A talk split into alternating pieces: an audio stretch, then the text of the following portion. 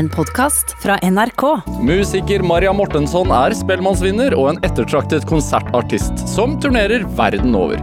Drivkraften hennes er å bevare og formidle sørsamisk kultur gjennom musikken, og ikke minst å holde liv i språket. Mortensen skriver nemlig sangtekster som under 1000 mennesker i verden forstår. Dette er Drivkraft med Vegard Larsen i NRK P2. Maria Mortensson, hjertelig velkommen hit. Tusen takk. Ja, Så hyggelig. Er det Altså, du, du klinte til med sørsamisk med en gang. Ja. Ja, drivkraft på sørsamisk, hva er det? Nei, det vet jeg ikke. Nei? Det, jeg tror kanskje man må si irkje, den her energien, da. Ja. Eh, Men akkurat drivkraft vet jeg ikke om vi har. Nei. Det er vanskelig å oversette til engelsk, til og med. Drivkraft. eh, Men, men hjer- Irkje. ja, som er ren energi. Ja. Ja. Eller den type drivkraft. Ja, eh, det liker jeg godt.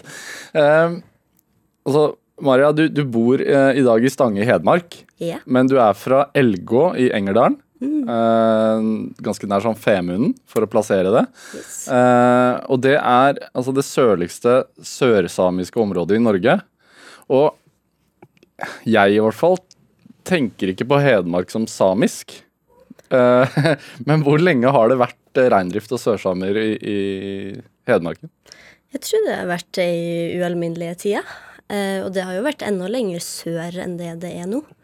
Og det har jo vært utveksling mellom det samiske Den samiske reindrifta har jo òg vært med i Setesdal, med tamreindrifta der. Og man tror jo at man har flytta så langt som ned til Kristiansand i gamle, gamle dager. Er det bare fordi jeg er ignorant, da, uviten og ikke Jeg tror at eh, det har jo sin historiske konsekvens at de færreste kjenner til vår felles historie.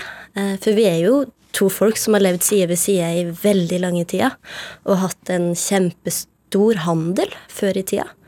Men så kom jo da den her nasjonalismen eh, de siste 300 åra har jo vært relativt dårlig da, for den samiske befolkningen.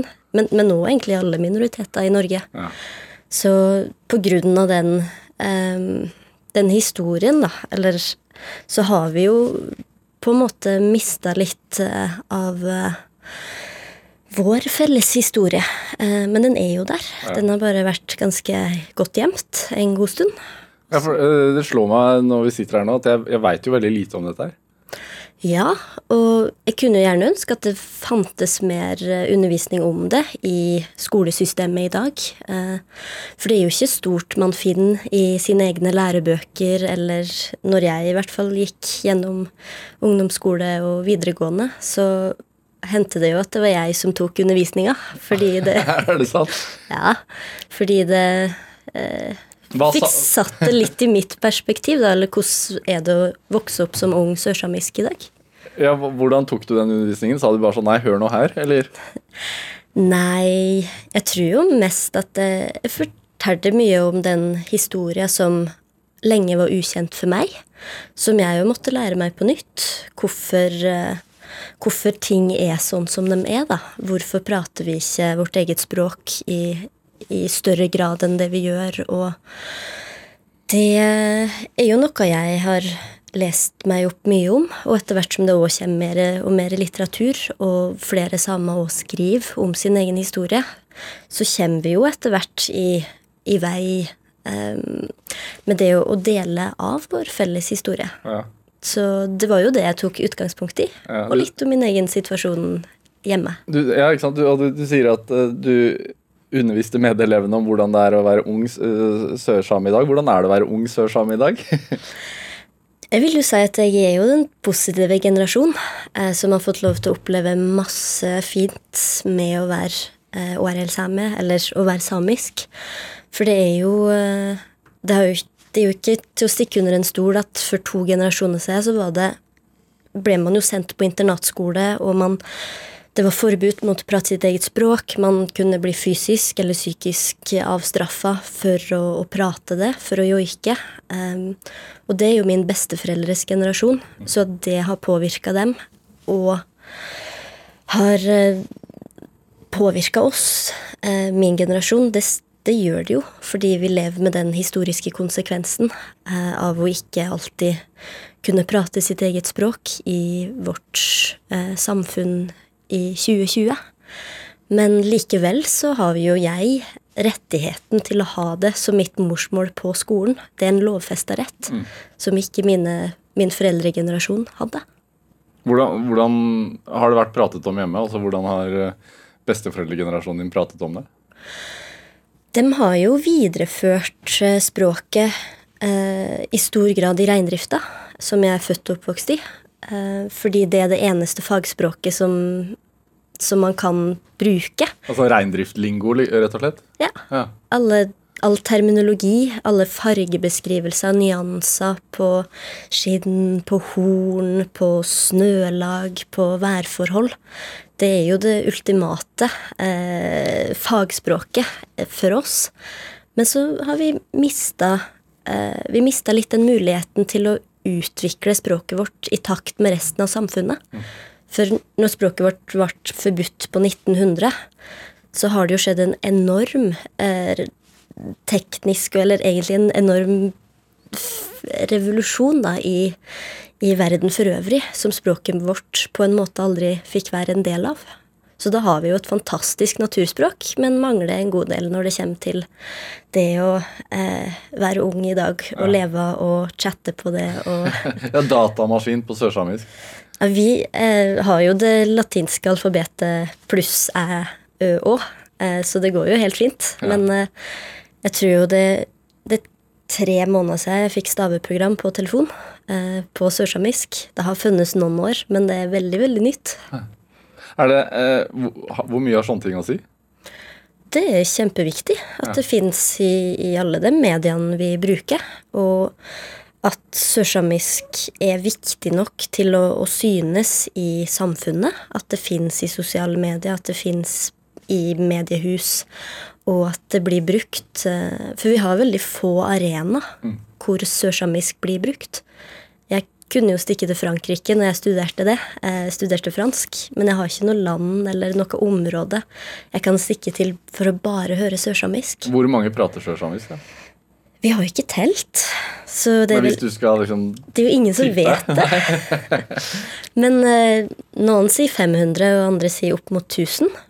Og så er det jo et stort spørsmål når føler man at man behersker sørsamisk godt nok til faktisk tørre å si at jeg prater sørsamisk? Har dere pratet det hjemme i oppveksten din?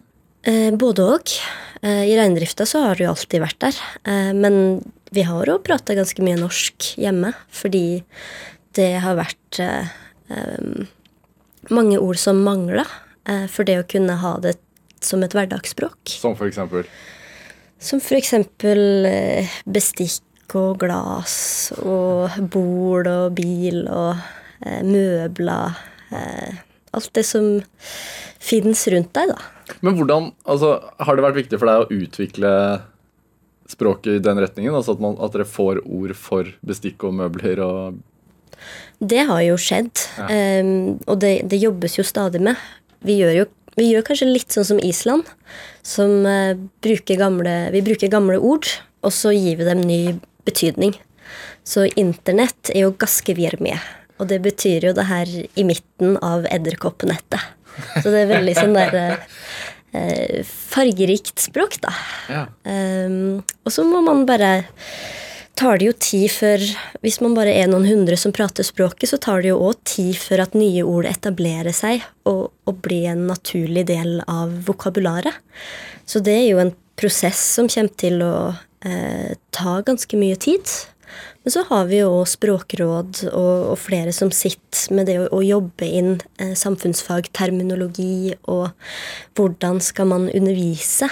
Eh, og ha sørsamisk som et undervisningsspråk, fagspråk.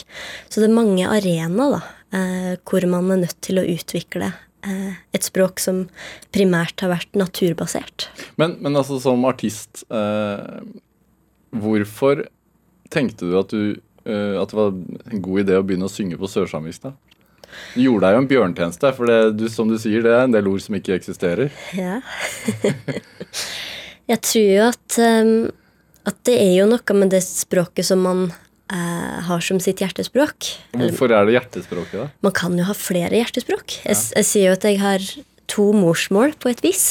Det ene, sørsamisk, fungerer best i en del situasjoner, og norsk i andre. Men jeg føler jo at gjennom det sørsamiske språket så formidler jeg jo best mine følelser eh, og mine tanker og meninger på nettopp det her språket. Hvorfor det? Fordi det er det språket som bare er en del av meg, eh, som jeg ikke kommer utenom. Og føler jo at jeg hadde vært fryktelig fattig om jeg ikke eh, hadde prata det språket. Og noen ganger så føler jeg meg jo litt fattig fordi jeg ikke helt og fullt ut behersker mitt eget morsmål. Sånn at det er funksjonabelt i alle eh, situasjoner av, av hverdagen. Men det er jo det Gjennom musikk så kan jeg jo òg utvikle mitt eget vokabular. Jeg kan tenke nye ideer og tanker. Hvordan vil jeg formulere det her på sørsamisk? Og så bruker jeg jo òg språk, eh, dyktige språkfolk som går igjennom tekstene mine og diskuterer ordbruk og hva som kanskje vil være mer naturlig å si. Eh, og bytte ord og, og sånne ting. Så, så det, du bruker mye eh, bilder i språket rett og slett da, når du lager sangtekst, skriver sangtekster? Ja, det vil jeg absolutt si. Det er jo, det er jo billedlig, det å prate. Man prater jo i bilder. Eh, Det gir jo mening for, for den som lytter og kan språk. Eller når man kan hverandre sitt språk, da. Så er det jo en, en kommunikasjonsform som eh, man ikke klarer seg uten. eh, Samme hvilket språk det er. Og sørsamisk er jo et av de språka jeg, jeg har valgt å, å bruke aktivt inn i musikken. Men så er det jo et savn jeg har hatt. At hvorfor hører ikke jeg språk på min Nei, hvorfor hører ikke jeg musikk på mitt eget språk? For det er veldig, veldig få låter og sanger på sørsamisk. Så det savner jeg veldig mye i oppveksten. Så da får man jo en eller annen genial idé om at det her skal jeg jobbe med. Ja, ikke sant? Men når det er da 500 eller 1000 som prater det, så er det jo Altså, alle kan jo ikke være musikere heller, tenker jeg. Så, Nei, jeg bruker som regel å si at man, hvis alle gjør det de er flinke til, Ja. så kommer jo språket til å, til å dukke opp på mange forskjellige arenaer av, av samfunnet vårt i dag. jeg, jeg tenkte vi skulle eh, bare høre et eksempel på musikken din, for, for eh, det er jo ikke sikkert alle har hørt Maria Mortensson. Eh, jeg har bare plukket ut låta One Lim', eller 'When I Was Young', som, som den heter på engelsk. Hva, går det an å si noe om hva teksten handler om? Fordi det trenger man litt hjelp med. Ja. Ja. Det her er vel kanskje Eller det er jo den første låta jeg noensinne skrev. Eh, Jeg var 12, kanskje 13 år. Hvor godt behersket du sørsamisk da? da? Eh, akkurat i så god grad som du hører på den låta her. Men det, den er jo skrevet til um, Til min opplevelse da, å være til fjells. Eh, og har jo mange minner Sjøl å skrive en låt da man er 13 år, og kalle den 'Da jeg var ung', er jo ganske Litt spesielt, kanskje. Men eh, hele barndommen har jo på en måte de minnene om det å følge til fjells. Eh, og være med og, og eh, gjete reinsdyr, eller å være i nærheten av dem. Stikke på en av de her små hyttene vi har til fjells fordi vi skal enten fiske eller se til rein. Og det handler om akkurat det her å reise. Her reiser jeg da med pappa. Ertine, med han. Og eh, vi drar over eh, fjella.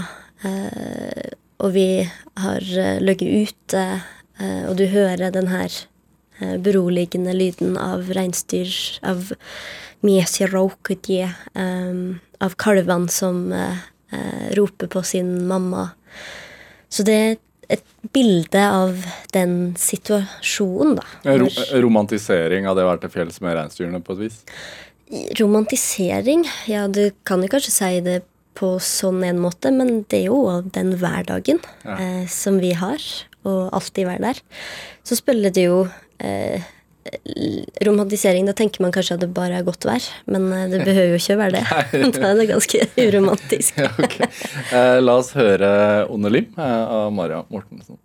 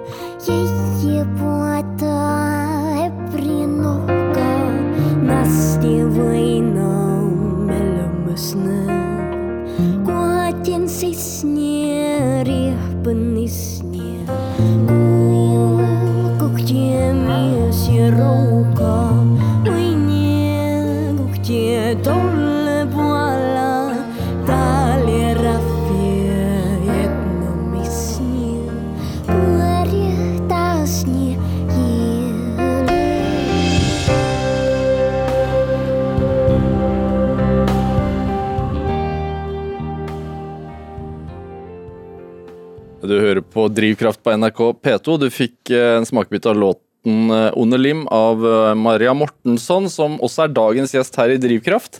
Eh, Denne låta er jo produsert av Frode Fjellheim. eh, Kjent komponist. eh, Og ja sist, sist kanskje mest kjent for å ha produsert musikken til eh, Disney-filmen Frost 2, Yes. og også Frost 1.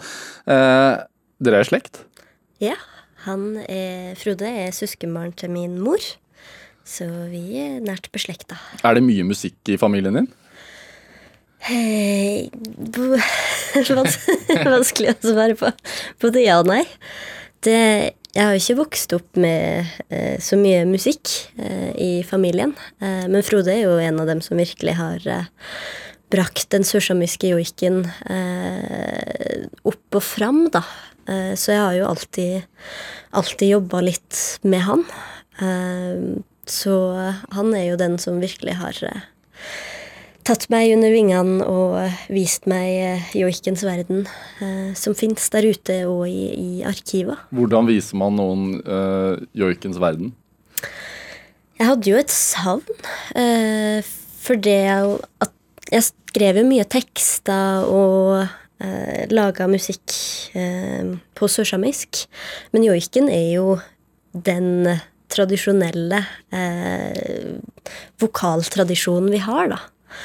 Og um, jeg vokste jo ikke opp med den, eh, så jeg fikk jo en liten, eh, en liten jobb med å finne tilbake. Hvorfor, hvorfor vokste du ikke opp med den? Fordi den har vært helt stille i eh, Hedmark, og egentlig i store deler av det sørsamiske området. Joiken har vært eh, stille veldig, veldig lenge. Og det fins jo noen som gjør det, men da ofte bare innad i familien. Hvor, hvorfor har det vært stille, da? Det er jo en konsekvens av at den har vært forbudt, og at eh, forbudet mot joik og forbudet mot språk har vært Vi er jo ikke så veldig mange eh, samer eh, i det sørsamiske området. Så eh, det at det eh, under de harde tidene, da, eh, hvor man helst ikke skulle være samisk, så slutta man i stor grad å eh, føre joiken videre. Eller man gjorde det for seg sjøl, men aldri så noen andre hørte. Og da ble det jo noe som jeg ikke vokste opp med, eh, og måtte finne ut av hvor har jeg min sørsamiske joiketradisjon. Så, også sånn, I dag så høres det jo helt absurd ut å forby, forby joik og forby et språk. Eh, er det litt sånn Når du har vokst opp og, og, og har hørt om dette, her, er du, har du blitt forbanna av det, rett og slett? Tja Det ikke, føler meg ikke naturlig å bli sånn kjempesint. Men så klart så kjenner man jo på frustrasjon fra tid til annen, og kanskje en litt sånn eh, håpløshet, da. Hvorfor er historia sånn her? Og hvorfor var det sånn? Um, så det er jo Men det er jo noe jeg har måttet lært meg å leve med. Uh, og jeg tror jo Der kan man jo snakke om drivkraft, at den har jo virkelig satt i gang uh, systemet mitt i det å finne tilbake da, Ja, hvordan har du gjort det? til den tradisjonelle joiketradisjonen. Ja. Og da gikk jeg jo på et eh, høyskolestudium eh, på Nord, eller nå er det Nord universitet, eh, som Frode Fjellheim har. Ok, Hvor er det? Det ligger på Levanger, og da fins det 15 studiepoeng hvor du kan ta med joik som utgangspunkt. Og her så viste han meg flere eh, arkiver eh, med joika, eh, og bet meg merke spesielt fra det umesamiske området. da. Hva er det for noe? Eh, Det ligger rundt Mo i Rana eh, og over på svensk side. Så min eh, ertjaka, min farmor, eh, hun er umesamisk. Og jeg tok med meg noen av dem arkivjoikene til hun, eh, hvorav hun da sier at ja, men det her er personer jeg har kjent, og det her er eh, joika som har tilhørt familien. Så plutselig så fikk jeg en sånn link at min familie har faktisk joika. Eh, og den er ikke så veldig langt unna. Det er da eh, to generasjoner.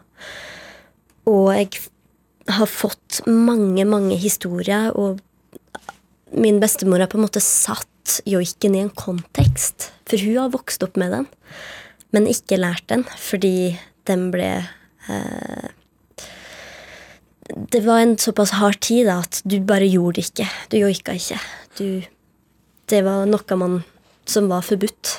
Og da eh, lærte ikke hun det, men hun kan i hvert fall Hun har valgt da å fortelle meg historien rundt de joikene jeg har funnet.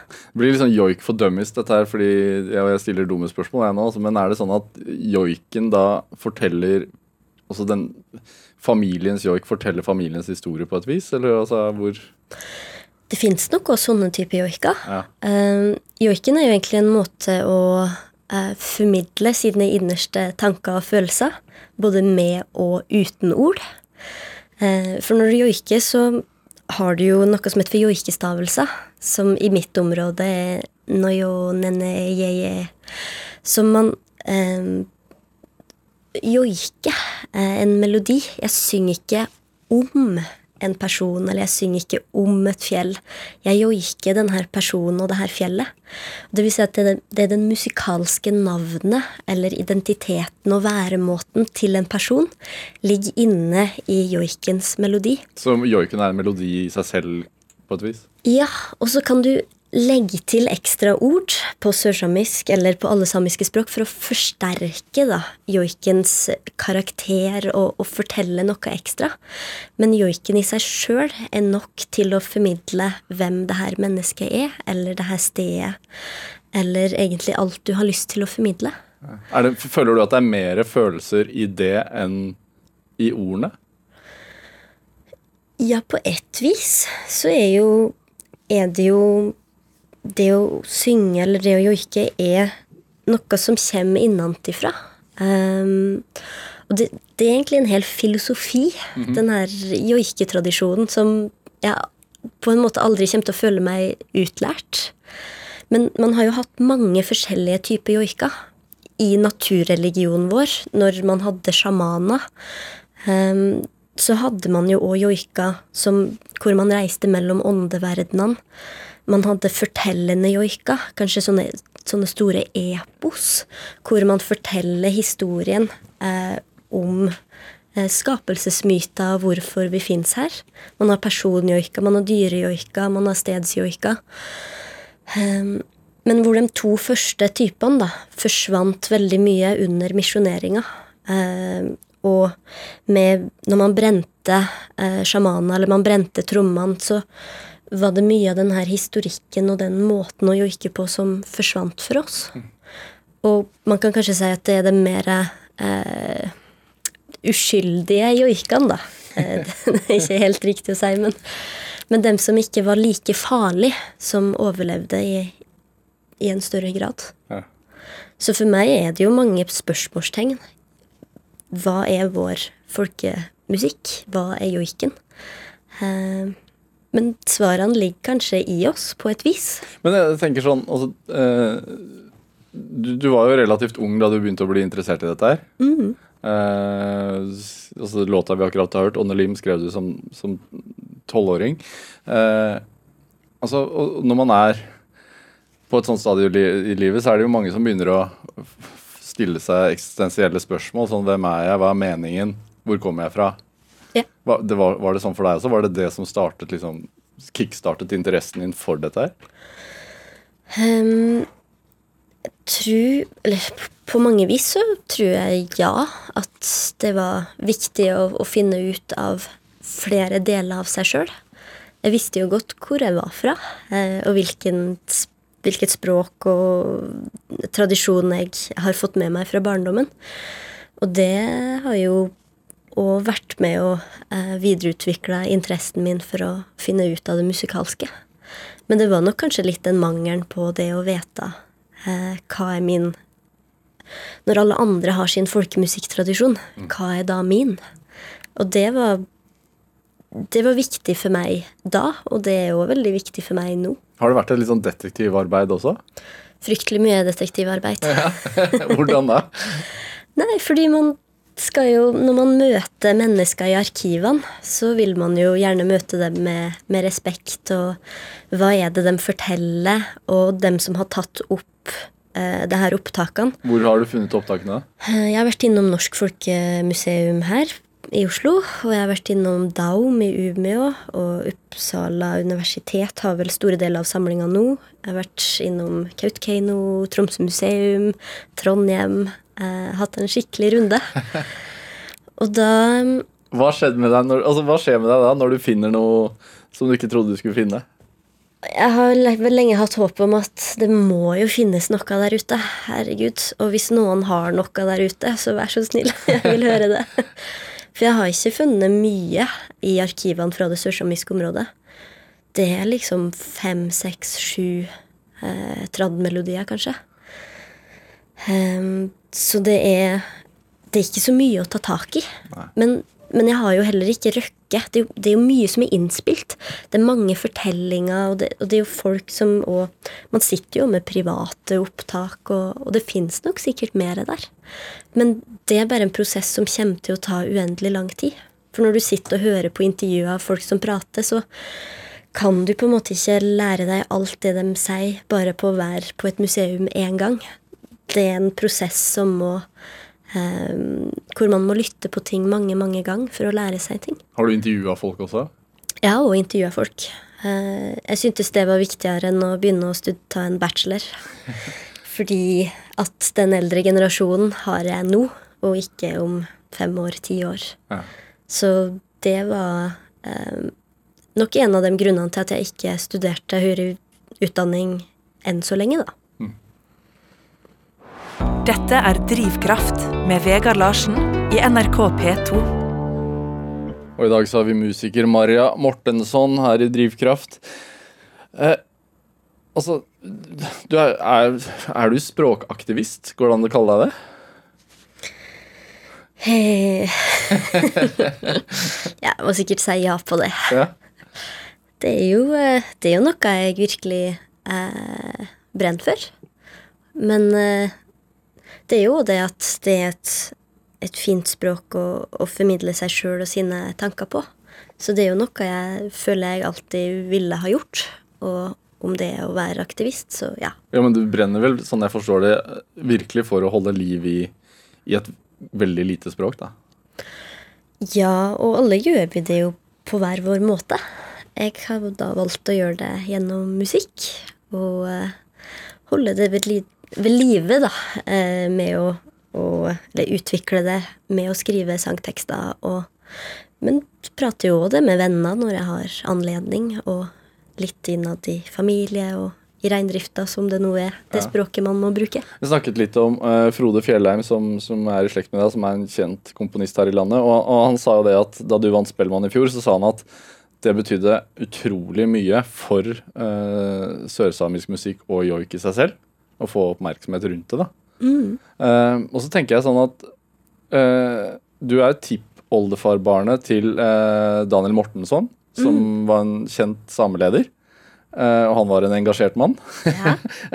Han jobba for samenes interesse og ga ut aviser og sånne ting, blant annet. Og så er det og Når jeg nå har definert deg som en språkaktivist, da, er det Ligger det litt i genene, tror du, å liksom stå litt på barrikadene og sier si at dette er viktig, så jeg kjemper for det? Ja, det vil jo naturlig nok bli det. Fordi eh, vi har den historia vi har. Eh, og det at dem som gikk før oss, da, sånn som Daniel Mortensson og Else Laula Rensberg, at, at de på en måte eh, var så frampå da, i politikken. Eh, det var jo Det måtte jo det for å i hele tatt overleve. Det måtte få opp den situasjonen vi har, eh, for å i hele tatt kunne eh, bevare vår, våre tradisjonelle næringer mm. og språket. Eh, for det var, jo, det var jo ikke høy status å være samisk på den tida. Men de tok kampen. Han tok kampen eh, for min familie og, og eh, videreførte reindrifta til oss.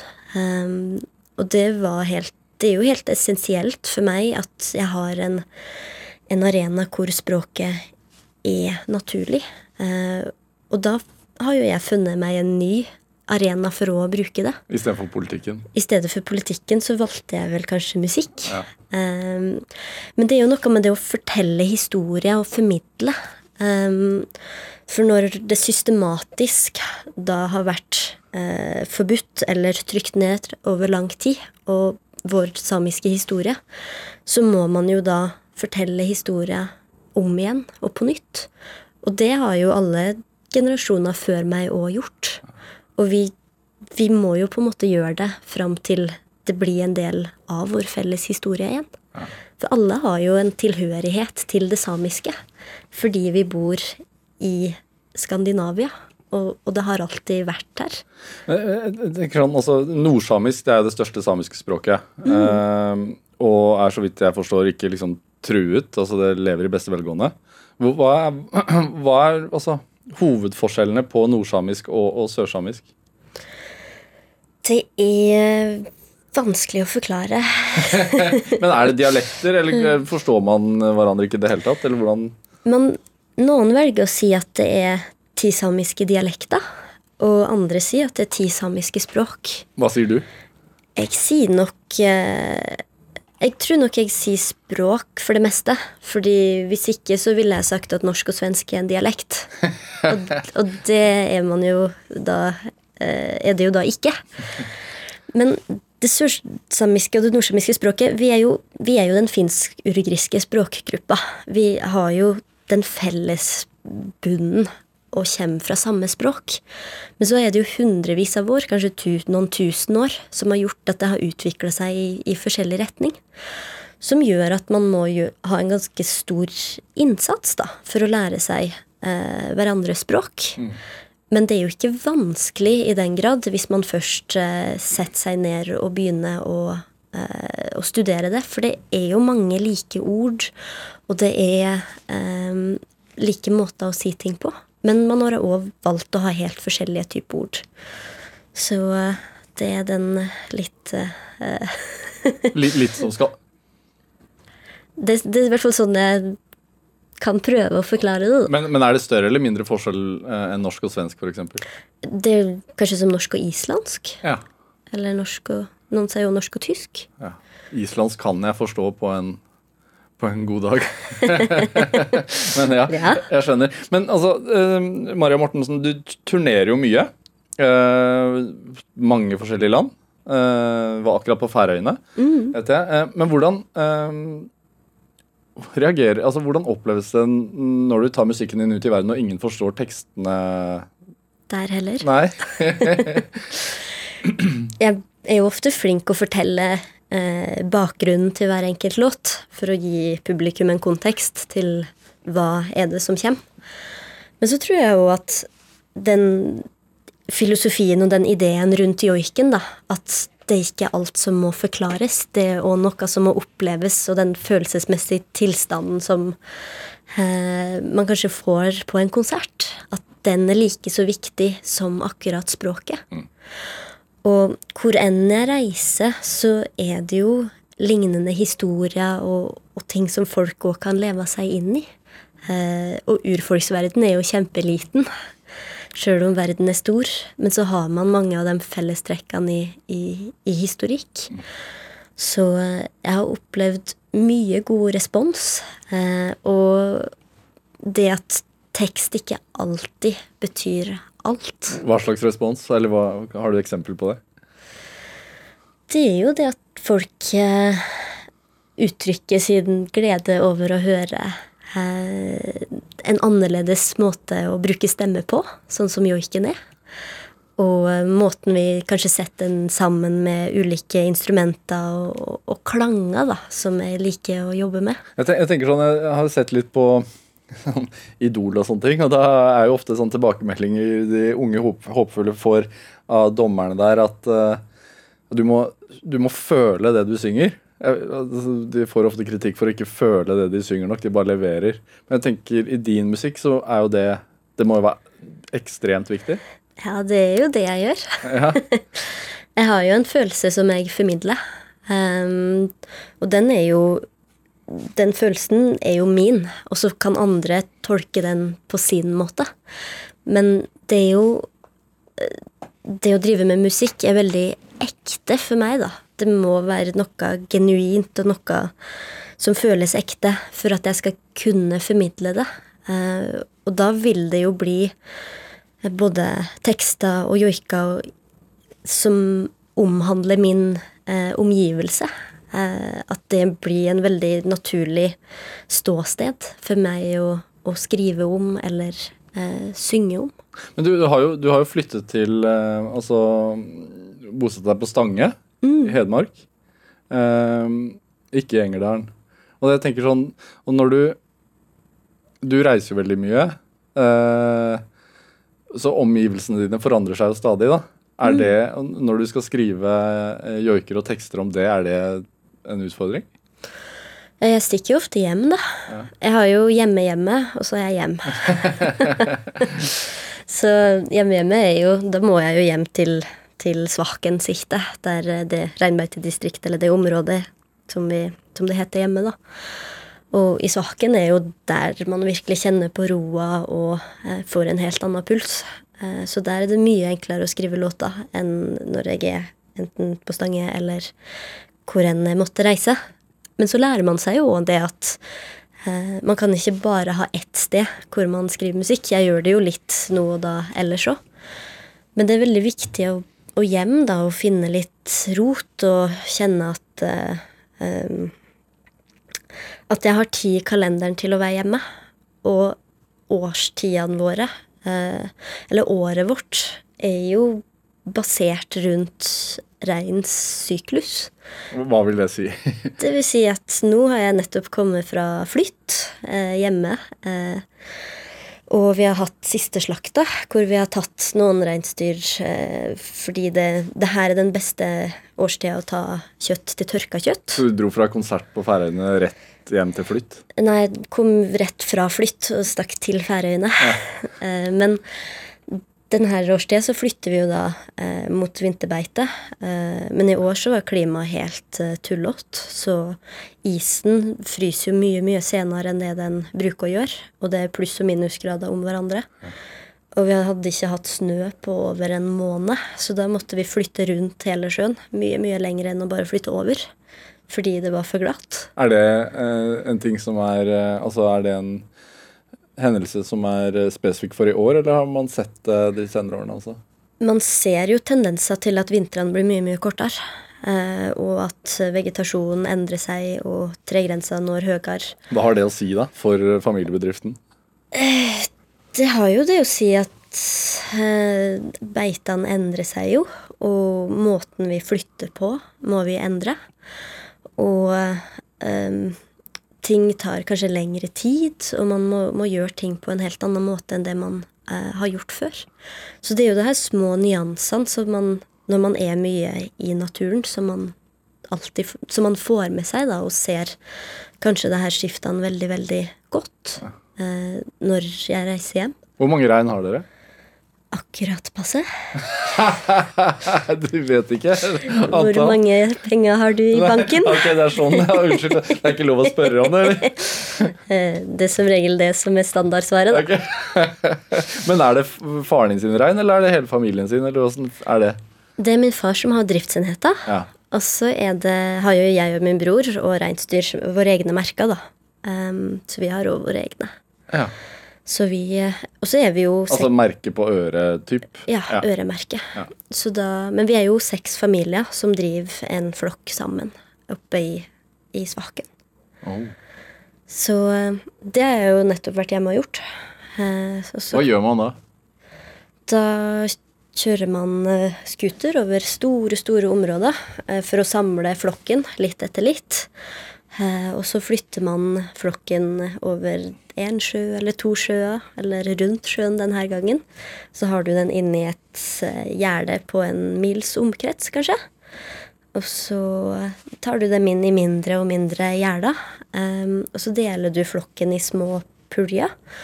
Og så uh, ser du hvilke dyr som er der, og hvilke dyr uh, vi har lyst til å uh, ta ut som njestie, da. Eller som eh, ja. og slakter. Hvor mange er det i året, cirka? Vet du? Jeg har ikke eksakte tall på det, men det er noen tonn. Er det, altså I, i forhold, til, forhold til det, altså, kan, man, kan man kjøpe Maria Mortensson sin sitt rein i, altså reinsdyrbiff i, i butikken? Ja, det fins jo. Eh, vi selger jo til større aktører, da. Eh, så det er jo litt forskjellig hvor det, hvor det havner. Mm. men eh, det fins jo reinsdyrkjøtt av oss litt rundt omkring. Altså det er sånn, fordi Reinsdyrkjøtt er jo eh, knallgodt. Man må bare behandle det riktig. Det kan fort bli litt sånn tørt hvis man er for hard på, på stekinga, føler jeg. Men jeg syns det er nydelig. Men man, man spiser jo veldig lite av det. Ja, og jeg spiser veldig mye av det. Ja, jo, men sånn, også sånn i forhold til eh, hvor bra det er, så spiser man lite reinsdyr. Ja, det er jo ikke store vet ikke, Kanskje 1 eller 2% av Norges kjøttmarked er reinsdyr. Ja. Så det er jo ikke mye som blir produsert. Men eh, det er jo eh, Jeg hadde jo ikke klart meg uten da, det å ha tilgang på, på ferskt kjøtt. Og man bruker jo mer enn bare eh, Man bruker på en måte hele dyret, da. Ja. Det beste jeg vet, er jo kokkjøtt. Når du tar ryggen av reinsdyret eh, og koker, lager sånne koteletter. Og gjerne har med en av fileten, Og så får du sånn skikkelig kokt kjøttgryte. Hvor lenge skal det koke, da? Eh, Litt avhengig, eh, men en time eller halvannen. Og så har du middag i mange dager. Og så får du noe av det beste som fins. Det er da kjøttkraft. Så den eh, er gull verdt på vinteren Ja. å ha, ha med seg i termos, eller bare drikke og varme opp, fryse ned. Spiller ingen rolle. Men er det altså når du er sånn at du turnerer ganske mye, og så sier du at du legger opp året etter reinen. Er, er det Reiser du hjem fordi at du syns det er hyggelig, eller er det litt sånn at du må? Eh, Jeg føler jo at jeg sjøl må. Det er jo ikke noe som er pålagt meg. Men eh, det er jo når det først står på, da, når vi først har rein i gjerdet, enten det er kalvmerking eller slakting eller flytting, så er det jo en enorm jobb. Og det er mange, mange mennesker som må inn og jobbe. Um, så da føler jeg jo at jeg virkelig har lyst til å være med når det først skjer noe. Uh, eller når det på en måte skjer noe større, da. Og skal jeg jo få tak i mitt eget uh, reinsdyrkjøtt, så må jeg jo være med og hjelpe til. Blir, du inspirert når, når du er hjemme og, og gjør flytt, f.eks.? Ja, det tror jeg, da. Ja. Det er jo min hverdag, så jeg skriver jo en del om det. Men det er jo noe bare med å føle at man har en tilhørighet, og den, eh, den er for meg viktig å ta vare på. Jeg tenkte, øh, Hvorfor er det viktig, forresten? Fordi det er sånn jeg har vokst opp, og kjenner at eh, den biten av meg kommer jeg aldri til å klare å legge bort. Så det er noe jeg bare må være med på. Eh, jeg tenkte vi skulle høre en låt til. Eh, jeg, jeg har plukket ut eh, Moitesh, eller Memories, som låta heter. Den vant bransjeprisen NOPA i fjor. Mm. hva er det å si om den? Hva handler den om?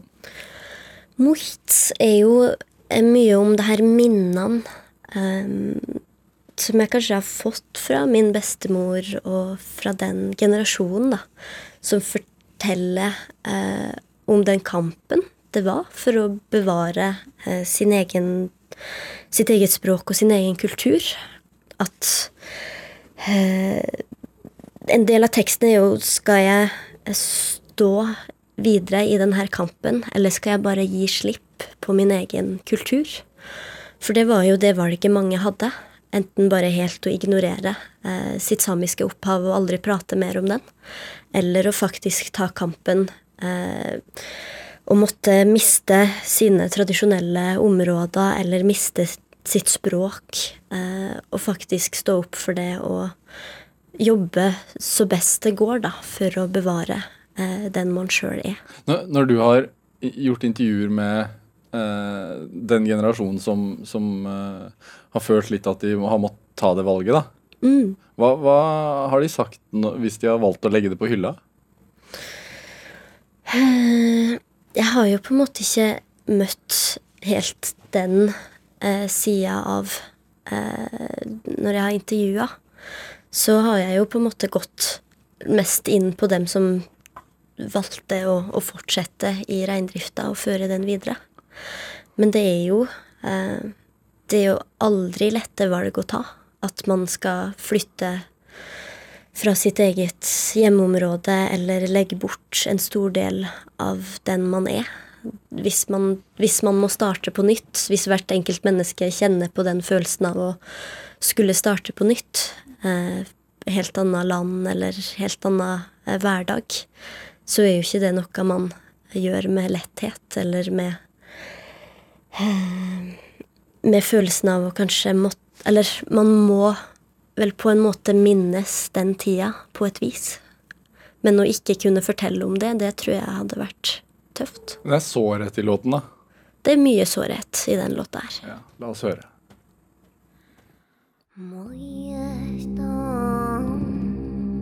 Матом вынат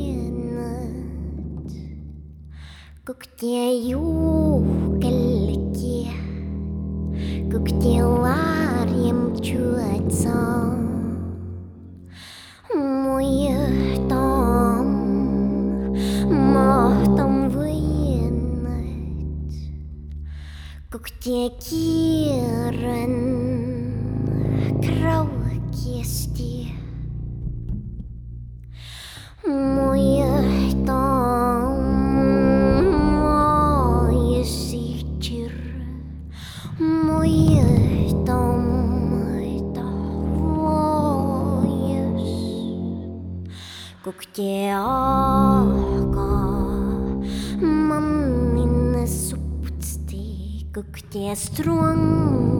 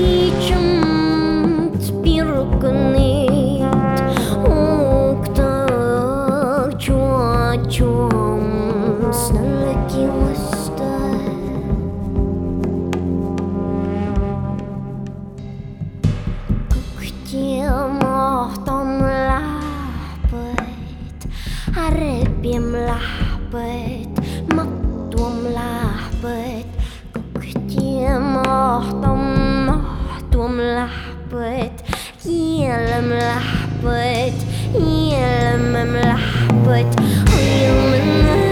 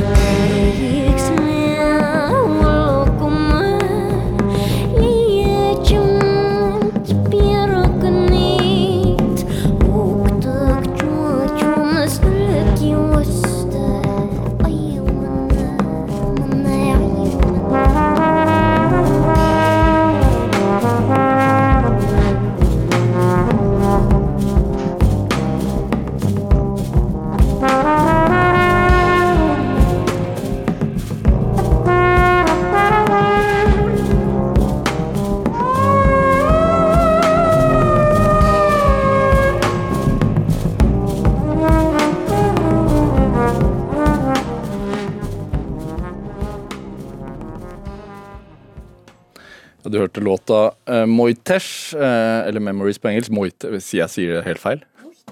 Hva, hva sa de nå? Moits. Moitz eh, av eh, artist Maria Mortensson, som er min gjest her i Drivkraft på NRK P2 i dag. Jeg tenkte på det vi snakket om reindrift, eh, og at man merker at eh, miljøet forandrer seg veldig og sånne ting. Og så, og så når samene sto overfor den derre fornorskingen, tvangsfornorskingen, eh, så, så var jo det en stor utfordring. Men er det, er det snakk om en ny utfordring for å bevare kulturen i dag? Absolutt. Klima er jo noe som opptar oss alle, eh, og oss veldig mye. eh, Når man merker at, at vintrene ikke er som før, og at de begynner senere, og at det blir mer is på beitene spesielt. Det er en stor utfordring, eh, i og med at reinen ikke klarer å hakke seg gjennom isen hvis det blir for mye regn på høstene og det fryser på. Eller at man får veldig mye varm snø som fryser igjen og lager det her harde islagene. Som kanskje gjør at vi må tenke helt nytt og begynne å, å fòre ut om vintrene blir altfor harde. Så det er, jo, det er jo ting som eh, er ganske eh, omfattende da, hvis klimaet endrer seg. Ja. Men det, det handler jo om at reinen må få ro for både eh, mye det, Vi har jo mye turister, og det fins jo rovdyr, og andre steder så er det jo Ja, Hva syns du om ulv, egentlig?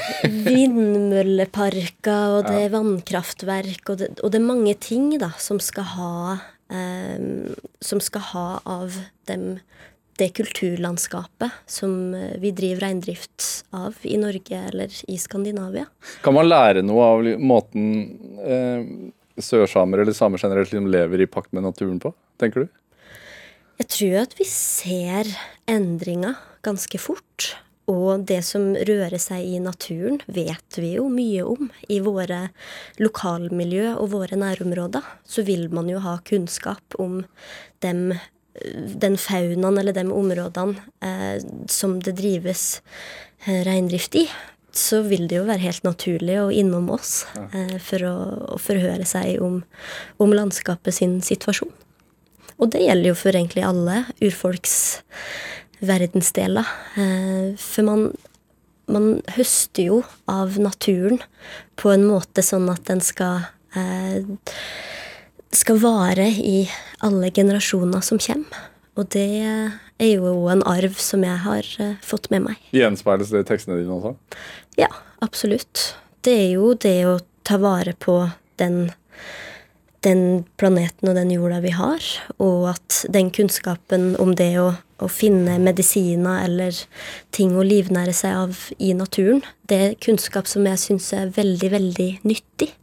Og det eh, ville jeg jo ikke ha bytta bort mot noe som helst i hele verden. Hva, hva, er, håper, altså, hva håper du er ståa for det sørsamiske språket om ti år, f.eks.? Da er det jo i hvert fall dobbelt så mange som prater det.